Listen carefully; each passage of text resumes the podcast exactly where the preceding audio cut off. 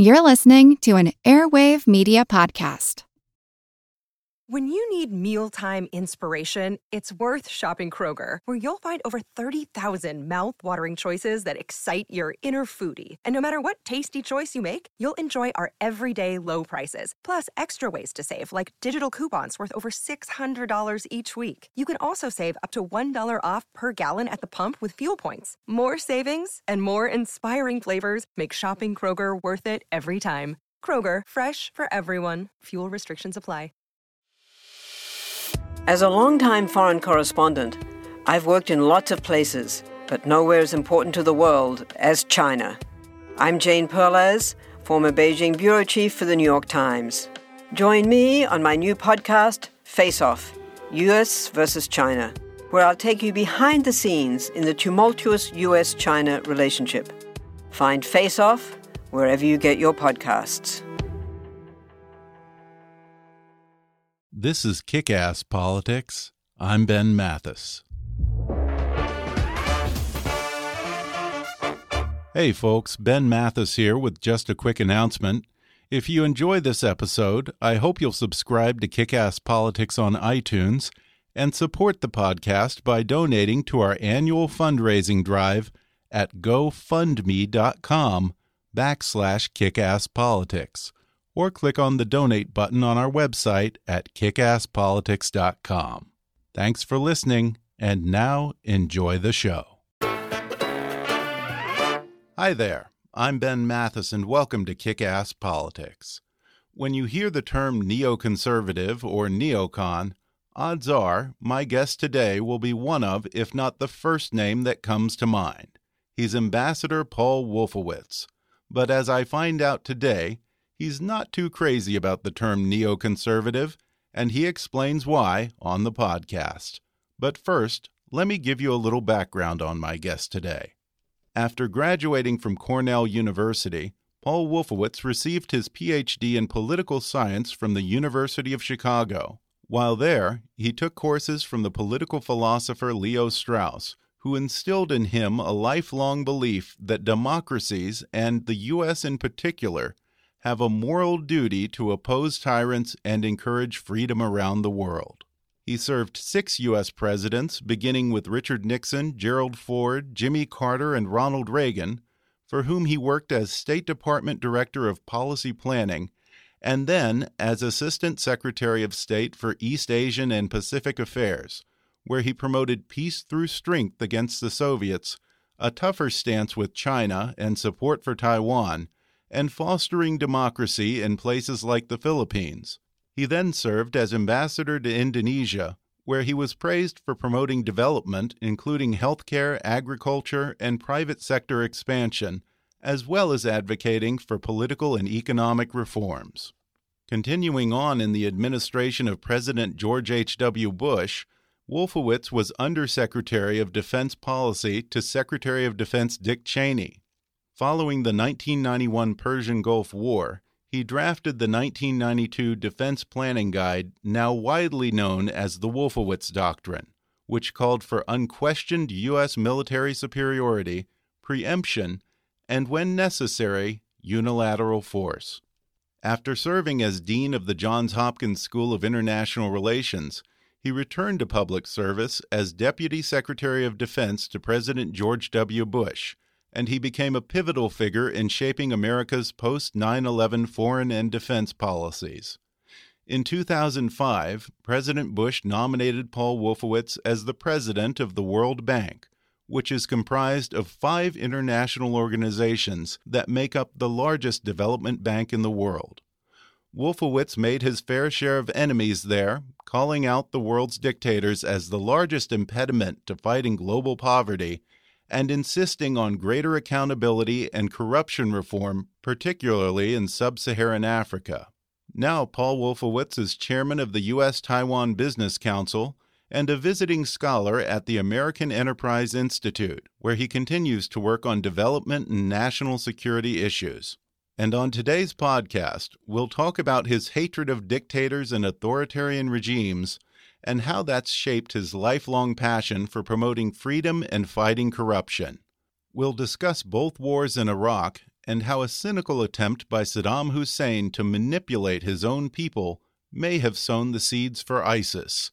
We'll discuss Paul Wolfowitz's time as ambassador to Indonesia and how that country, with the world's largest Muslim population, is a good template for democracy and reform in the Muslim world.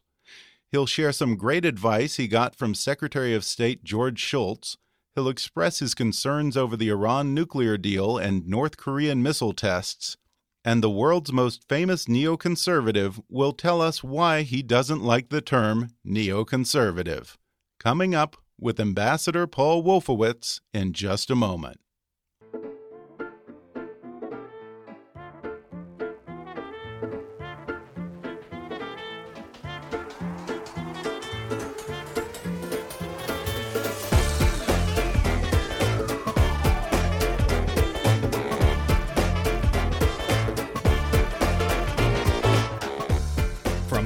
To Washington, it's time for Kick Ass Politics.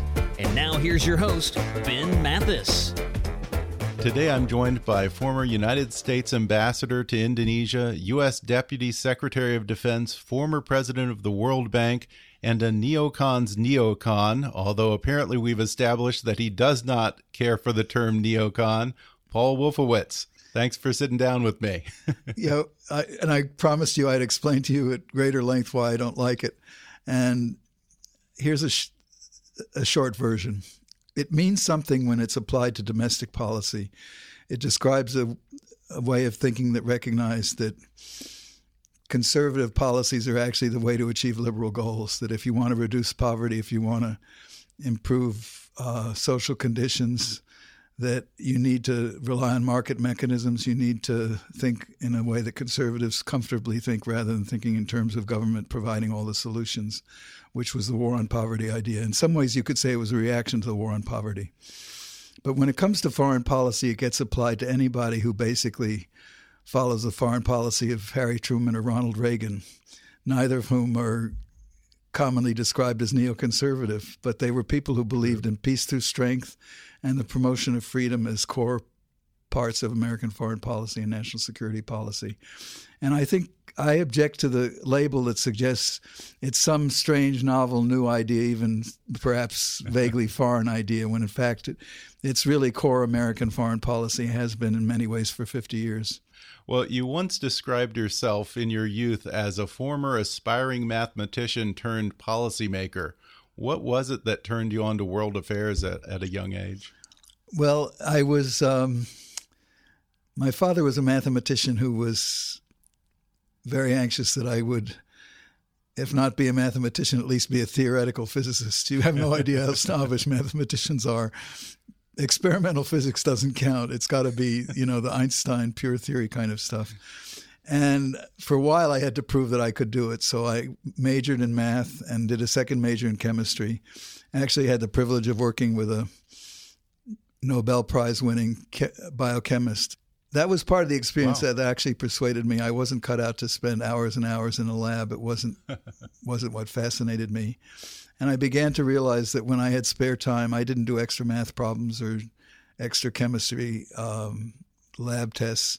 I would read about politics and history. That was what really fascinated me. And I thought, well, it's true political science is not a science and it's pretentious when it tries to be. But there is such a thing as studying politics and having some deeper knowledge and understanding.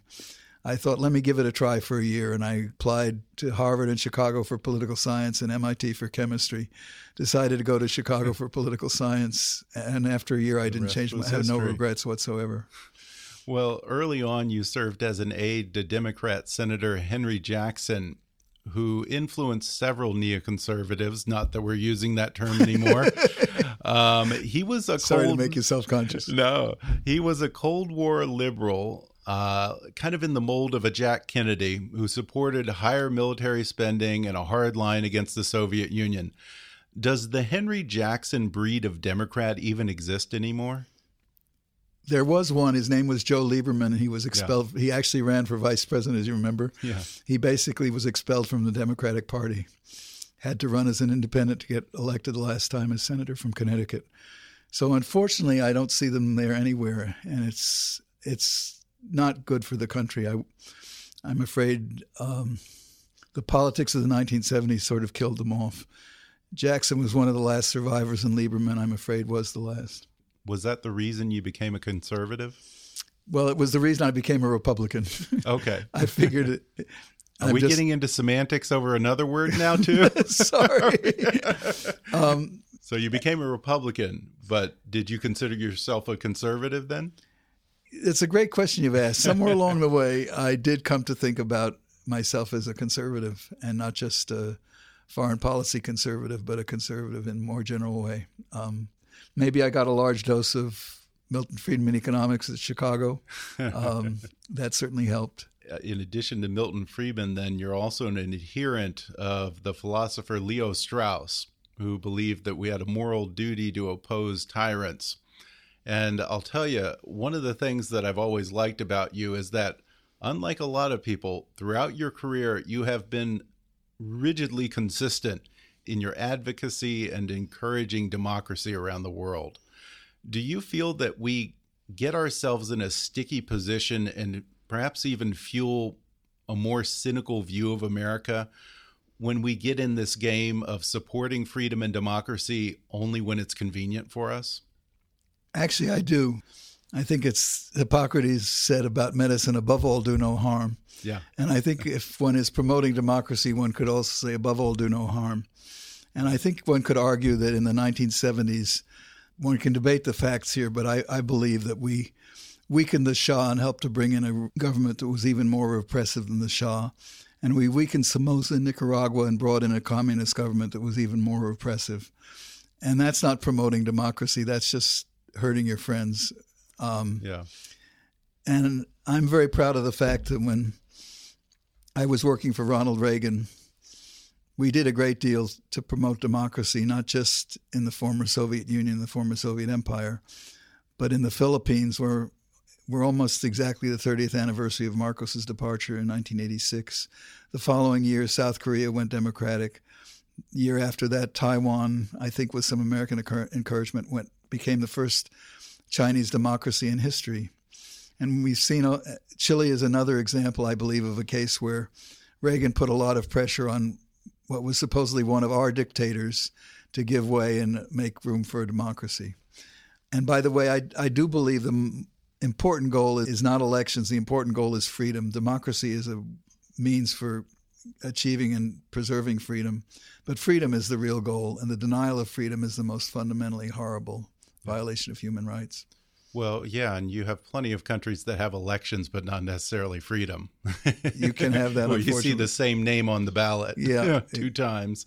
Yeah. with a 99% return. Yeah, yeah, yeah, yeah. Vote for Castro or vote for Castro. I think the real test is whether people are free to free and in a religious sense, free in a when it comes to expression, and free when it comes to thinking about things and pr- promoting ideas. Uh, in your career, have you run into pushback at times from, I guess the the more realpolitik Henry Kissinger wing? I would say definitely in, in the first Bush administration, George H.W. Bush, I think there was a sort of pushback from people who thought that, let me put it this way, um, did not want to support the rebellions that started in Iraq after we liberated Kuwait in 1991.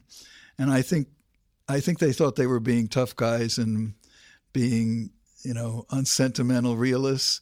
And the truth is that they were being unsentimental unrealists.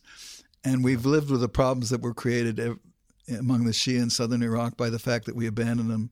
We're still living with those problems today, and we'll be living with the problems of abandoning the people of Syria 20 and 30 years from now. And yet, this administration in Washington, this president, pats himself on the back for his so called realism for not getting involved in that. We're involved in it, it's going to involve us for a long time to come. Yeah, and you, Non involvement, unfortunately, is a kind of involvement. Oh yeah, and, and to your credit, you were one of the guys, perhaps one of the few guys, who was calling Saddam Hussein a thug back when not a lot of people wanted to do that. I think that's unfortunately there weren't enough of us. Yeah. And by the way, at, at that time there were some Democrats doing it as well. Um, that's another thing that's changed. Yeah. Well, your former boss, George W. Bush, called for more freedom and transparency during his administration in the Middle East.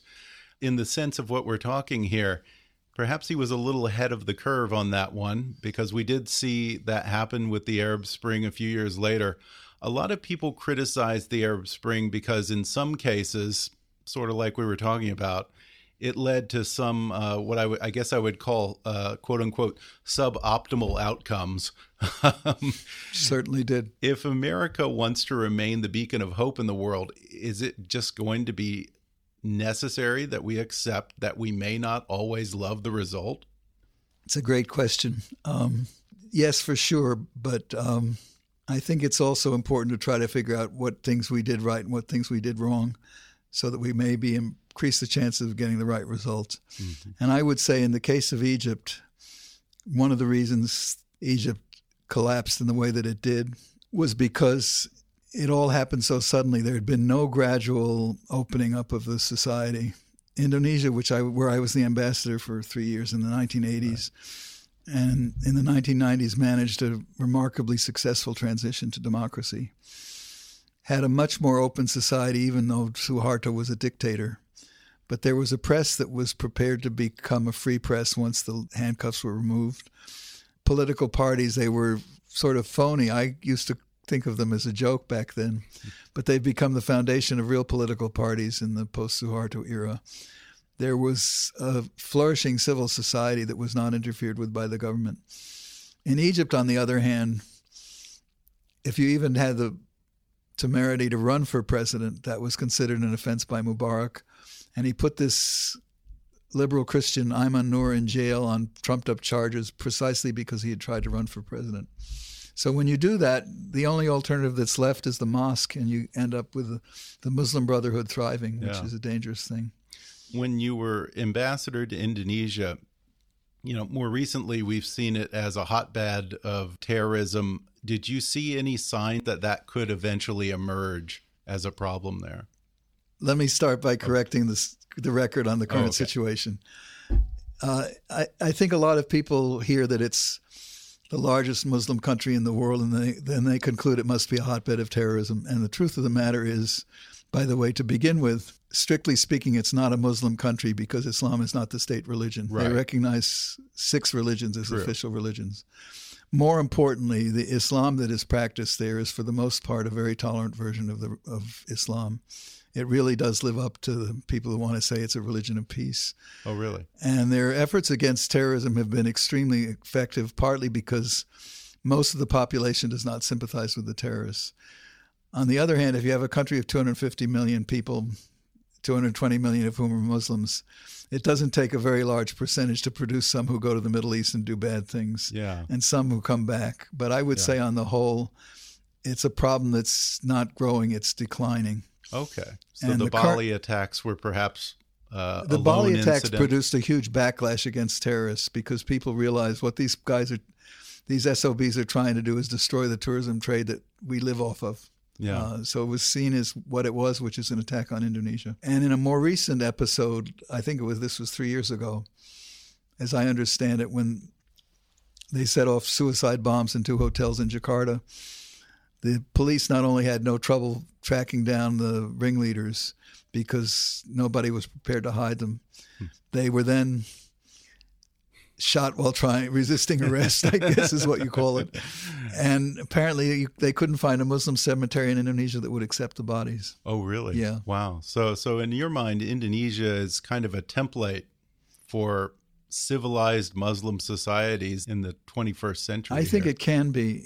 Yeah. Absolutely can be. And uh, it's one reason why I'm so happy that see that they're doing well economically and doing well politically. Yeah. Well, speaking of terrorism, you were the Undersecretary of Defense on 9 11. What was your day like on 9 11? Were you there in the Pentagon when the plane hit? What were you doing?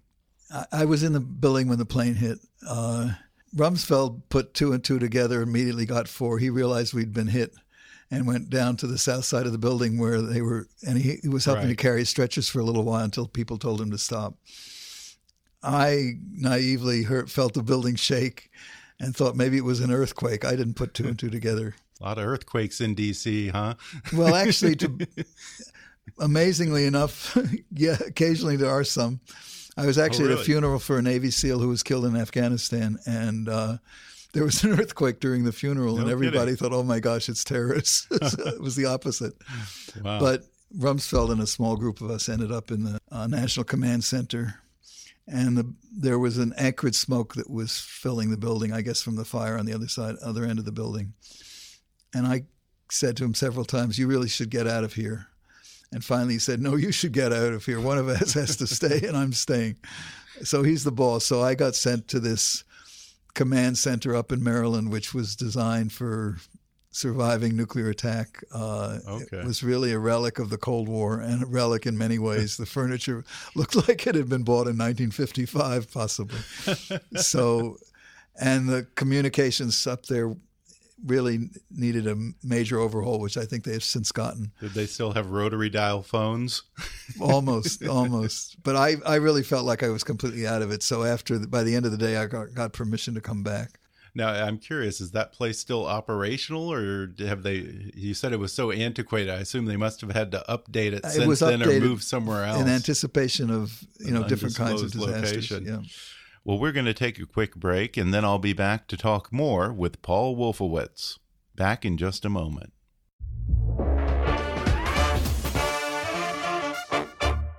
Hey, folks. Do you like reading but find it harder and harder to make time to curl up with a good book? Well, there's a solution. Give audiobooks a try. They're perfect for your commute to work, or working out at the gym, or relaxing in the bath, or any time really. And right now, you can take an audiobook for a spin with a special promotion just for our listeners from audible.com. Just go to audibletrial.com backslash kickasspolitics to get a free 30-day trial and download any of Audible's 180,000 titles for free. That's audibletrial.com backslash kickasspolitics. Or click the sponsor link on our webpage to download the free audiobook of your choice. And if you like Kick Ass Politics, then be a part of what I'm doing here and help us raise our production budget for 2016 by donating to our annual fundraising drive at gofundme.com backslash kickasspolitics or click on the donate button on our website at kickasspolitics.com. Thanks for listening, and now back to the show. We're back, and I'm talking with the former president of the World Bank, Paul Wolfowitz. So, Paul, you've been credited as the chief architect of the Bush Doctrine. In the age of ISIS, where do you feel we have to draw the line on what is acceptable preemption? I mean, I don't consider myself the architect. Uh, I figured you were going to take exception sorry, with that. Sorry to, sorry to be picking nits here. I But figured. I mean, if it if things had been done my way, they would have been done very differently. But I will Okay. do believe that one of the things that was central here, and I think it's correct, is when you've seen what terrorists can do with an airplane full of gasoline, then you really have to start to worry about what they might do with a um, a truck full of anthrax, for example yeah. which was a real scenario that we, after those anthrax letters appeared in just one week after 9 11, we spent quite a bit of time thinking through scenarios of what would happen if, for example, you filled a panel truck, meaning a small van, with anthrax powder and drove around the beltway of Washington just spraying that in the air. Hmm. And one scientist who was an expert on bioterrorism told us you could kill tens of thousands of people, maybe even hundreds of thousands that way. Yeah. And one of the problems with the anthrax is that you can use antibiotic against it, but once Right. the infection is manifest, it's too late. So we started a very extensive program called BioShield that would have allowed us to detect anthrax spores in the air before people were infected. We took it very seriously, as I think we had to.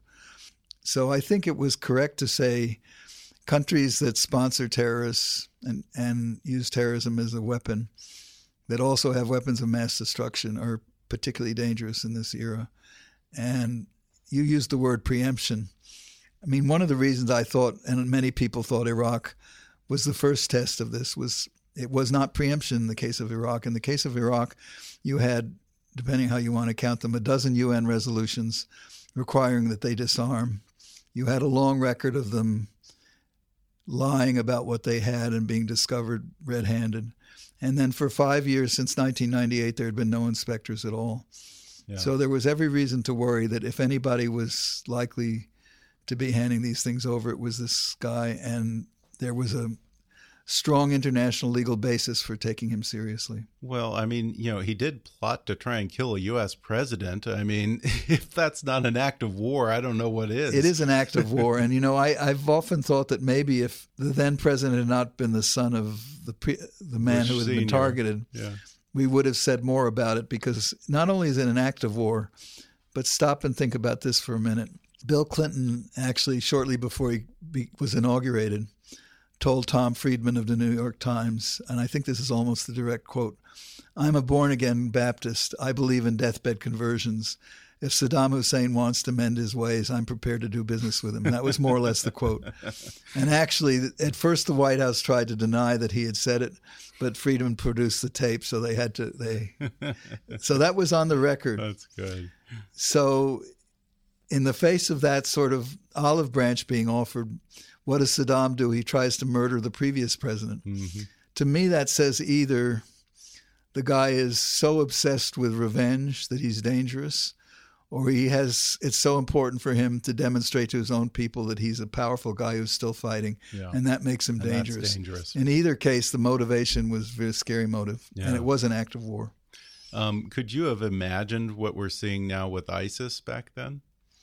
You know, something I think that there were quite a few things our intelligence people missed, and they were not only wrong. Uh, everybody knows about stockpiles of weapons of mass destruction, but there were a lot of things they didn't know about what Saddam was doing. And one of the things it turns out he was doing, and he started this in 1986, was something called the Faith Campaign. The Faith Campaign was an effort to use radical Islam, specifically Salafi Islam, as a way of mobilizing his population and getting them to hate America instead of hating him.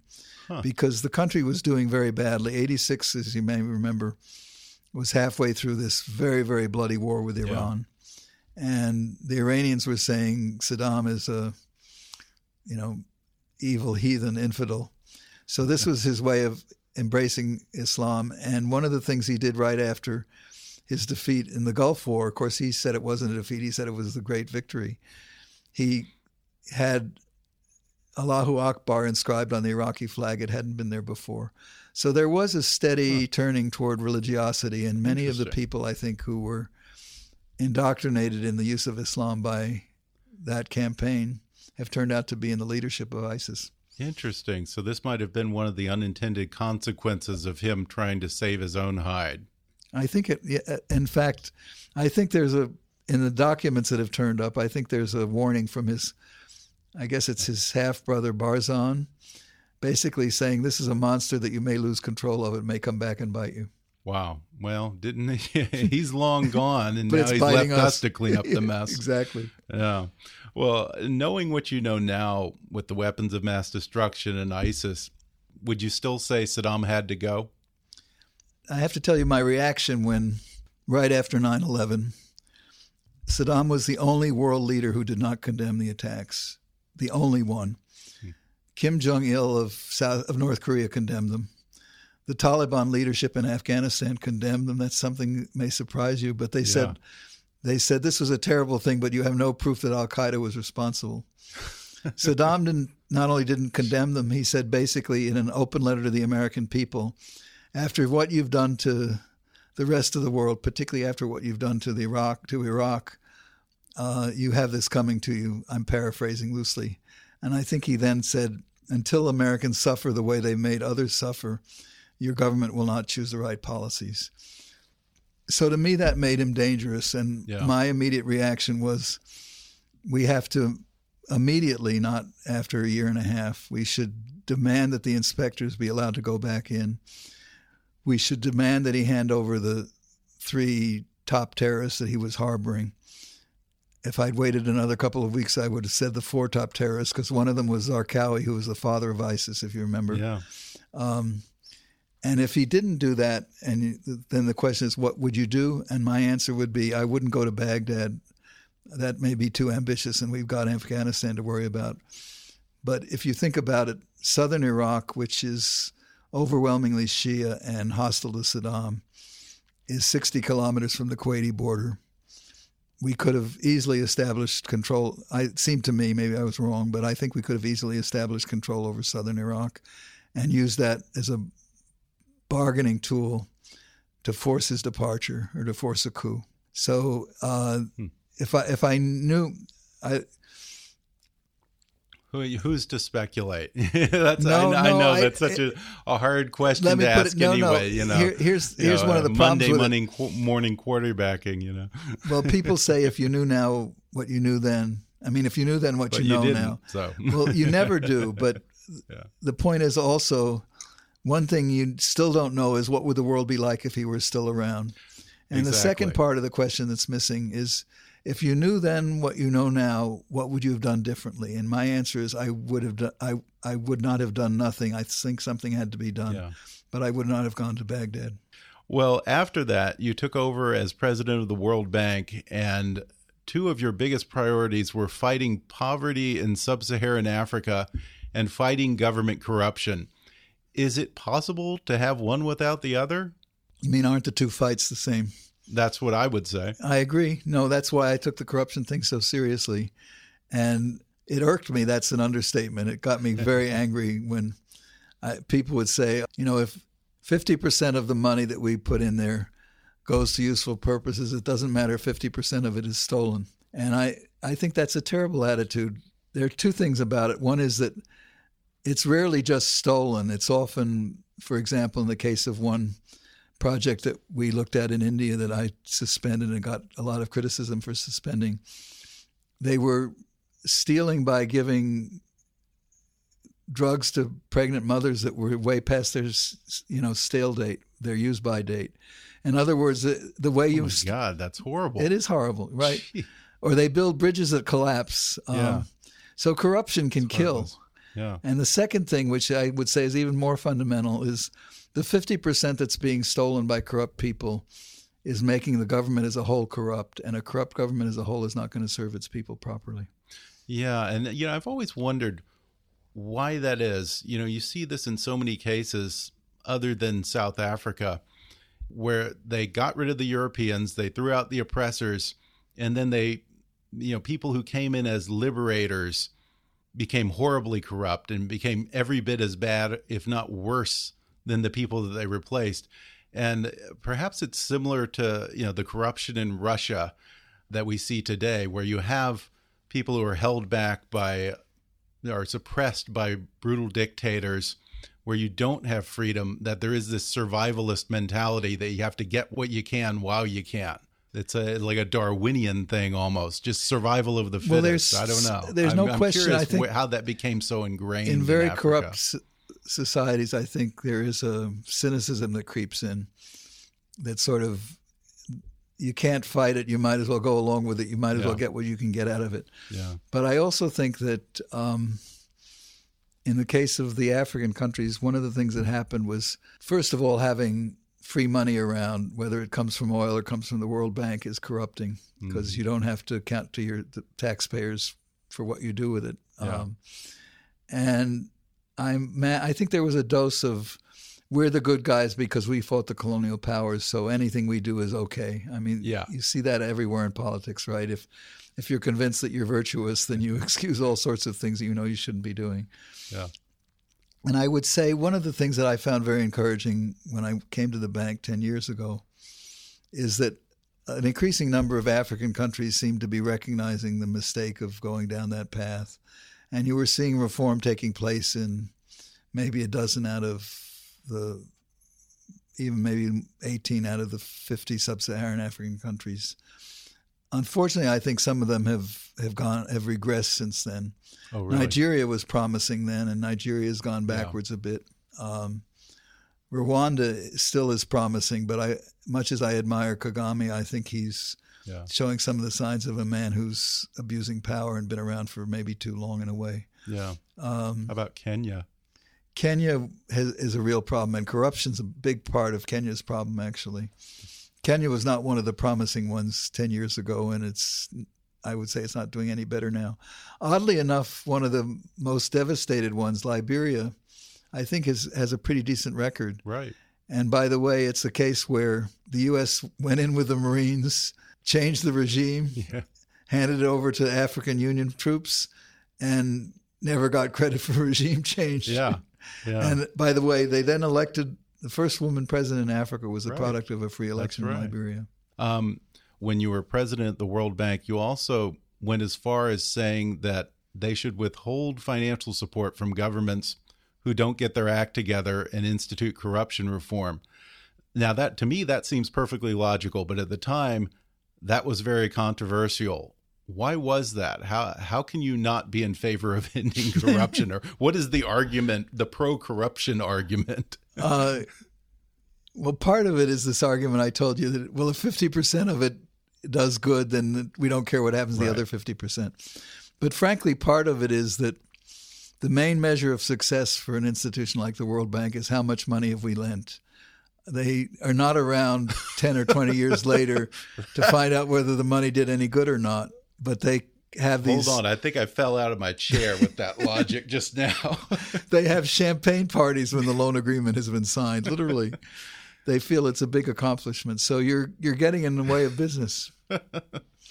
I suppose there was the same attitude in some of those mortgage yeah, that's pirates true. back in the, that produced the crisis for us. Yeah, you know, but it, it does seem logical to me. It's like, I mean, if we truly want to do good, if you actually care, if you actually give a crap, then this should be something you you should be on board with. Not you personally. I mean, people in general. Yeah. Shovel. There's no sense shoveling money into a black hole for all eternity if you actually care one bit about doing any good in the world. And there was really too much of of lending and forgiving. I mean, lending to Yeah. governments that you knew were not going to use the money well, and that you'd end up having to do debt relief later. Yeah. Um, It is like the mortgage scandal. it is, and the bailouts afterwards. Yeah. Well, I'm curious, what gives you trouble these days? What keeps you up at night? I guess what seems to me American retreat. I mean, I could talk about the bad guys who were prepared to fill the vacuums that we're leaving, uh, Yeah. Whether it's China or Russia or Iran or ISIS. Um, but I think most of those problems are, are manageable or solvable if the United States is capable of continuing to play a leadership role. And it's discouraging to me that right as well as left, there's a sort of feeling that all of this is doing a big favor for somebody else and it's not good for the United States. And the truth of the matter is, we have been among the major beneficiaries of a world that's relatively stable and that hasn't had the kind of horrible wars that we've had in the past. Um, and, you know, as painful as the Iraq War was, it was certainly painful for me and it went on way too long. I believe if we had had something like the surge at the very beginning, we'd be looking at a very different Iraq today and the whole subject would look very different. But um, we lost 10 times as many people killed in Korea as in Iraq. And today, Korea is a thriving model of what a country can be, Yeah. politically as well as economically. But we didn't leave Korea because it was an unpopular war. We stuck it out. Eisenhower campaigned against the war, but he didn't campaign to take the troops away. Yeah. I think we made a big mistake in pulling out of Iraq, and I don't think it was necessary. Yeah. And you you've been very vocal in your opposition to the Iran nuclear deal. Doesn't look like they've wasted much time before they started ignoring it after they signed it. Can we undo that damage at this point or is this our new political reality? How do we roll that back? If we win the White House and get someone who's willing. I think it's going to be much harder to roll back than than I'd like to think. Um, for one thing, you know, it was special circumstances that made it possible to pull together a coalition of countries to impose these crippling sanctions. There's a lot I think that the U.S. can do unilaterally, but it's much much harder. It's interesting. This was an argument put forward by someone defending the agreement who said, "Look, all this talk about worrying about whether sanctions can snap back or not is irrelevant because if Iran cheats, snapping back the sanctions are, is not going to have an effect soon enough to make a difference.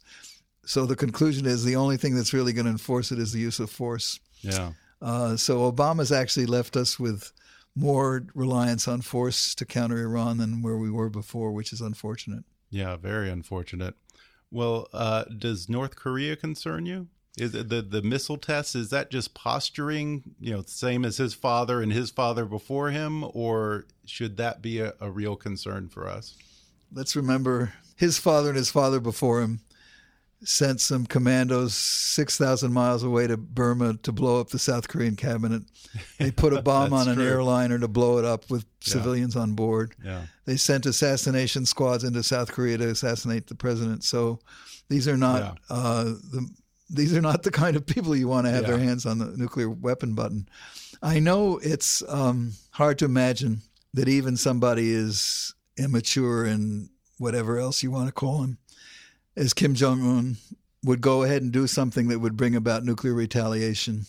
But I think leader like that becomes very dangerous. I think precisely because he'll get him into a situation, self into a situation where he provokes something that causes him to fear his own future. Yeah. Is there anyone who was a, a, a big influence in your life, or anyone perhaps even in history that you looked up to? Well, my two heroic heroes, if you want to call them that, are Lincoln and Churchill. Okay. But uh, sort of a little closer at hand, I mean, I have enormous admiration for Reagan and for Truman as well, and a growing appreciation for Eisenhower. I think was a much better president than he was re- recognized at the, t- the time. You're you are the second person today who's uh, who said that Eisenhower is greatly underappreciated. Really. Yeah, and the first person was uh, Wesley Clark earlier in the morning. Oh, yeah. we don't agree on much, but we agree yeah, on that. on Ike. I Um, like Ike. We like Ike.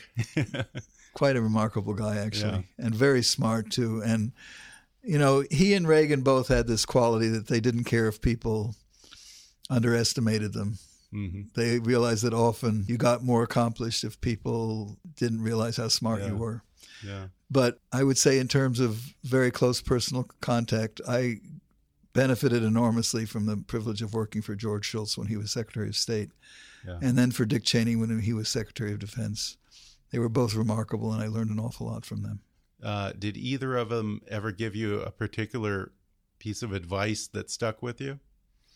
Well, one thing that I learned from Shultz, and I passed it along to Cheney, and I think he made good use of it, was that it's important, even when you get as busy as a Secretary of State or a Secretary of Defense gets busy, it's important to carve out a few hours every couple of weeks or maybe every month, but a few hours when you put all the decisions aside and just try to think think deeply about a problem. And when I suggested that to Cheney, he said yes, and we started these fairly regular discussions about the future of Russia.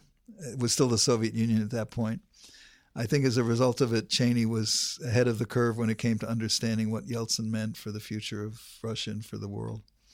And I think what they both had also was the quality that they were capable of thinking deeply about a problem when it needed it, but they were also capable of going through decision after decision after decision with minimum regrets after the fact. In fact, I think it was Dean Acheson who said about Harry Truman that he wasn't plagued with that most debilitating of emotions, which was regret.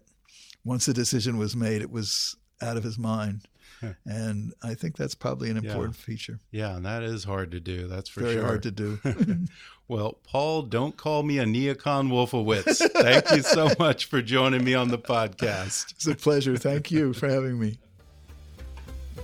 Thanks again to Paul Wolfowitz for coming on the podcast. You can keep up with him and his work at the American Enterprise Institute by visiting aei.org or follow AEI on Twitter at, at AEI. Be sure to subscribe to Kickass Politics on iTunes and leave us a review while you're there. And if you really want to help out, then donate to our GoFundMe campaign at gofundme.com backslash kickasspolitics or click on the donate button on our website at kickasspolitics.com. Follow us on Twitter at, at KAPolitics or visit Kickass Politics on Facebook. And while you're there, recommend Kickass Politics to your friends on your social media. And as always, I welcome your comments, questions, and suggestions at comments at kickasspolitics.com. But for now, I'm Ben Mathis, and thanks for listening to Kick Ass Politics.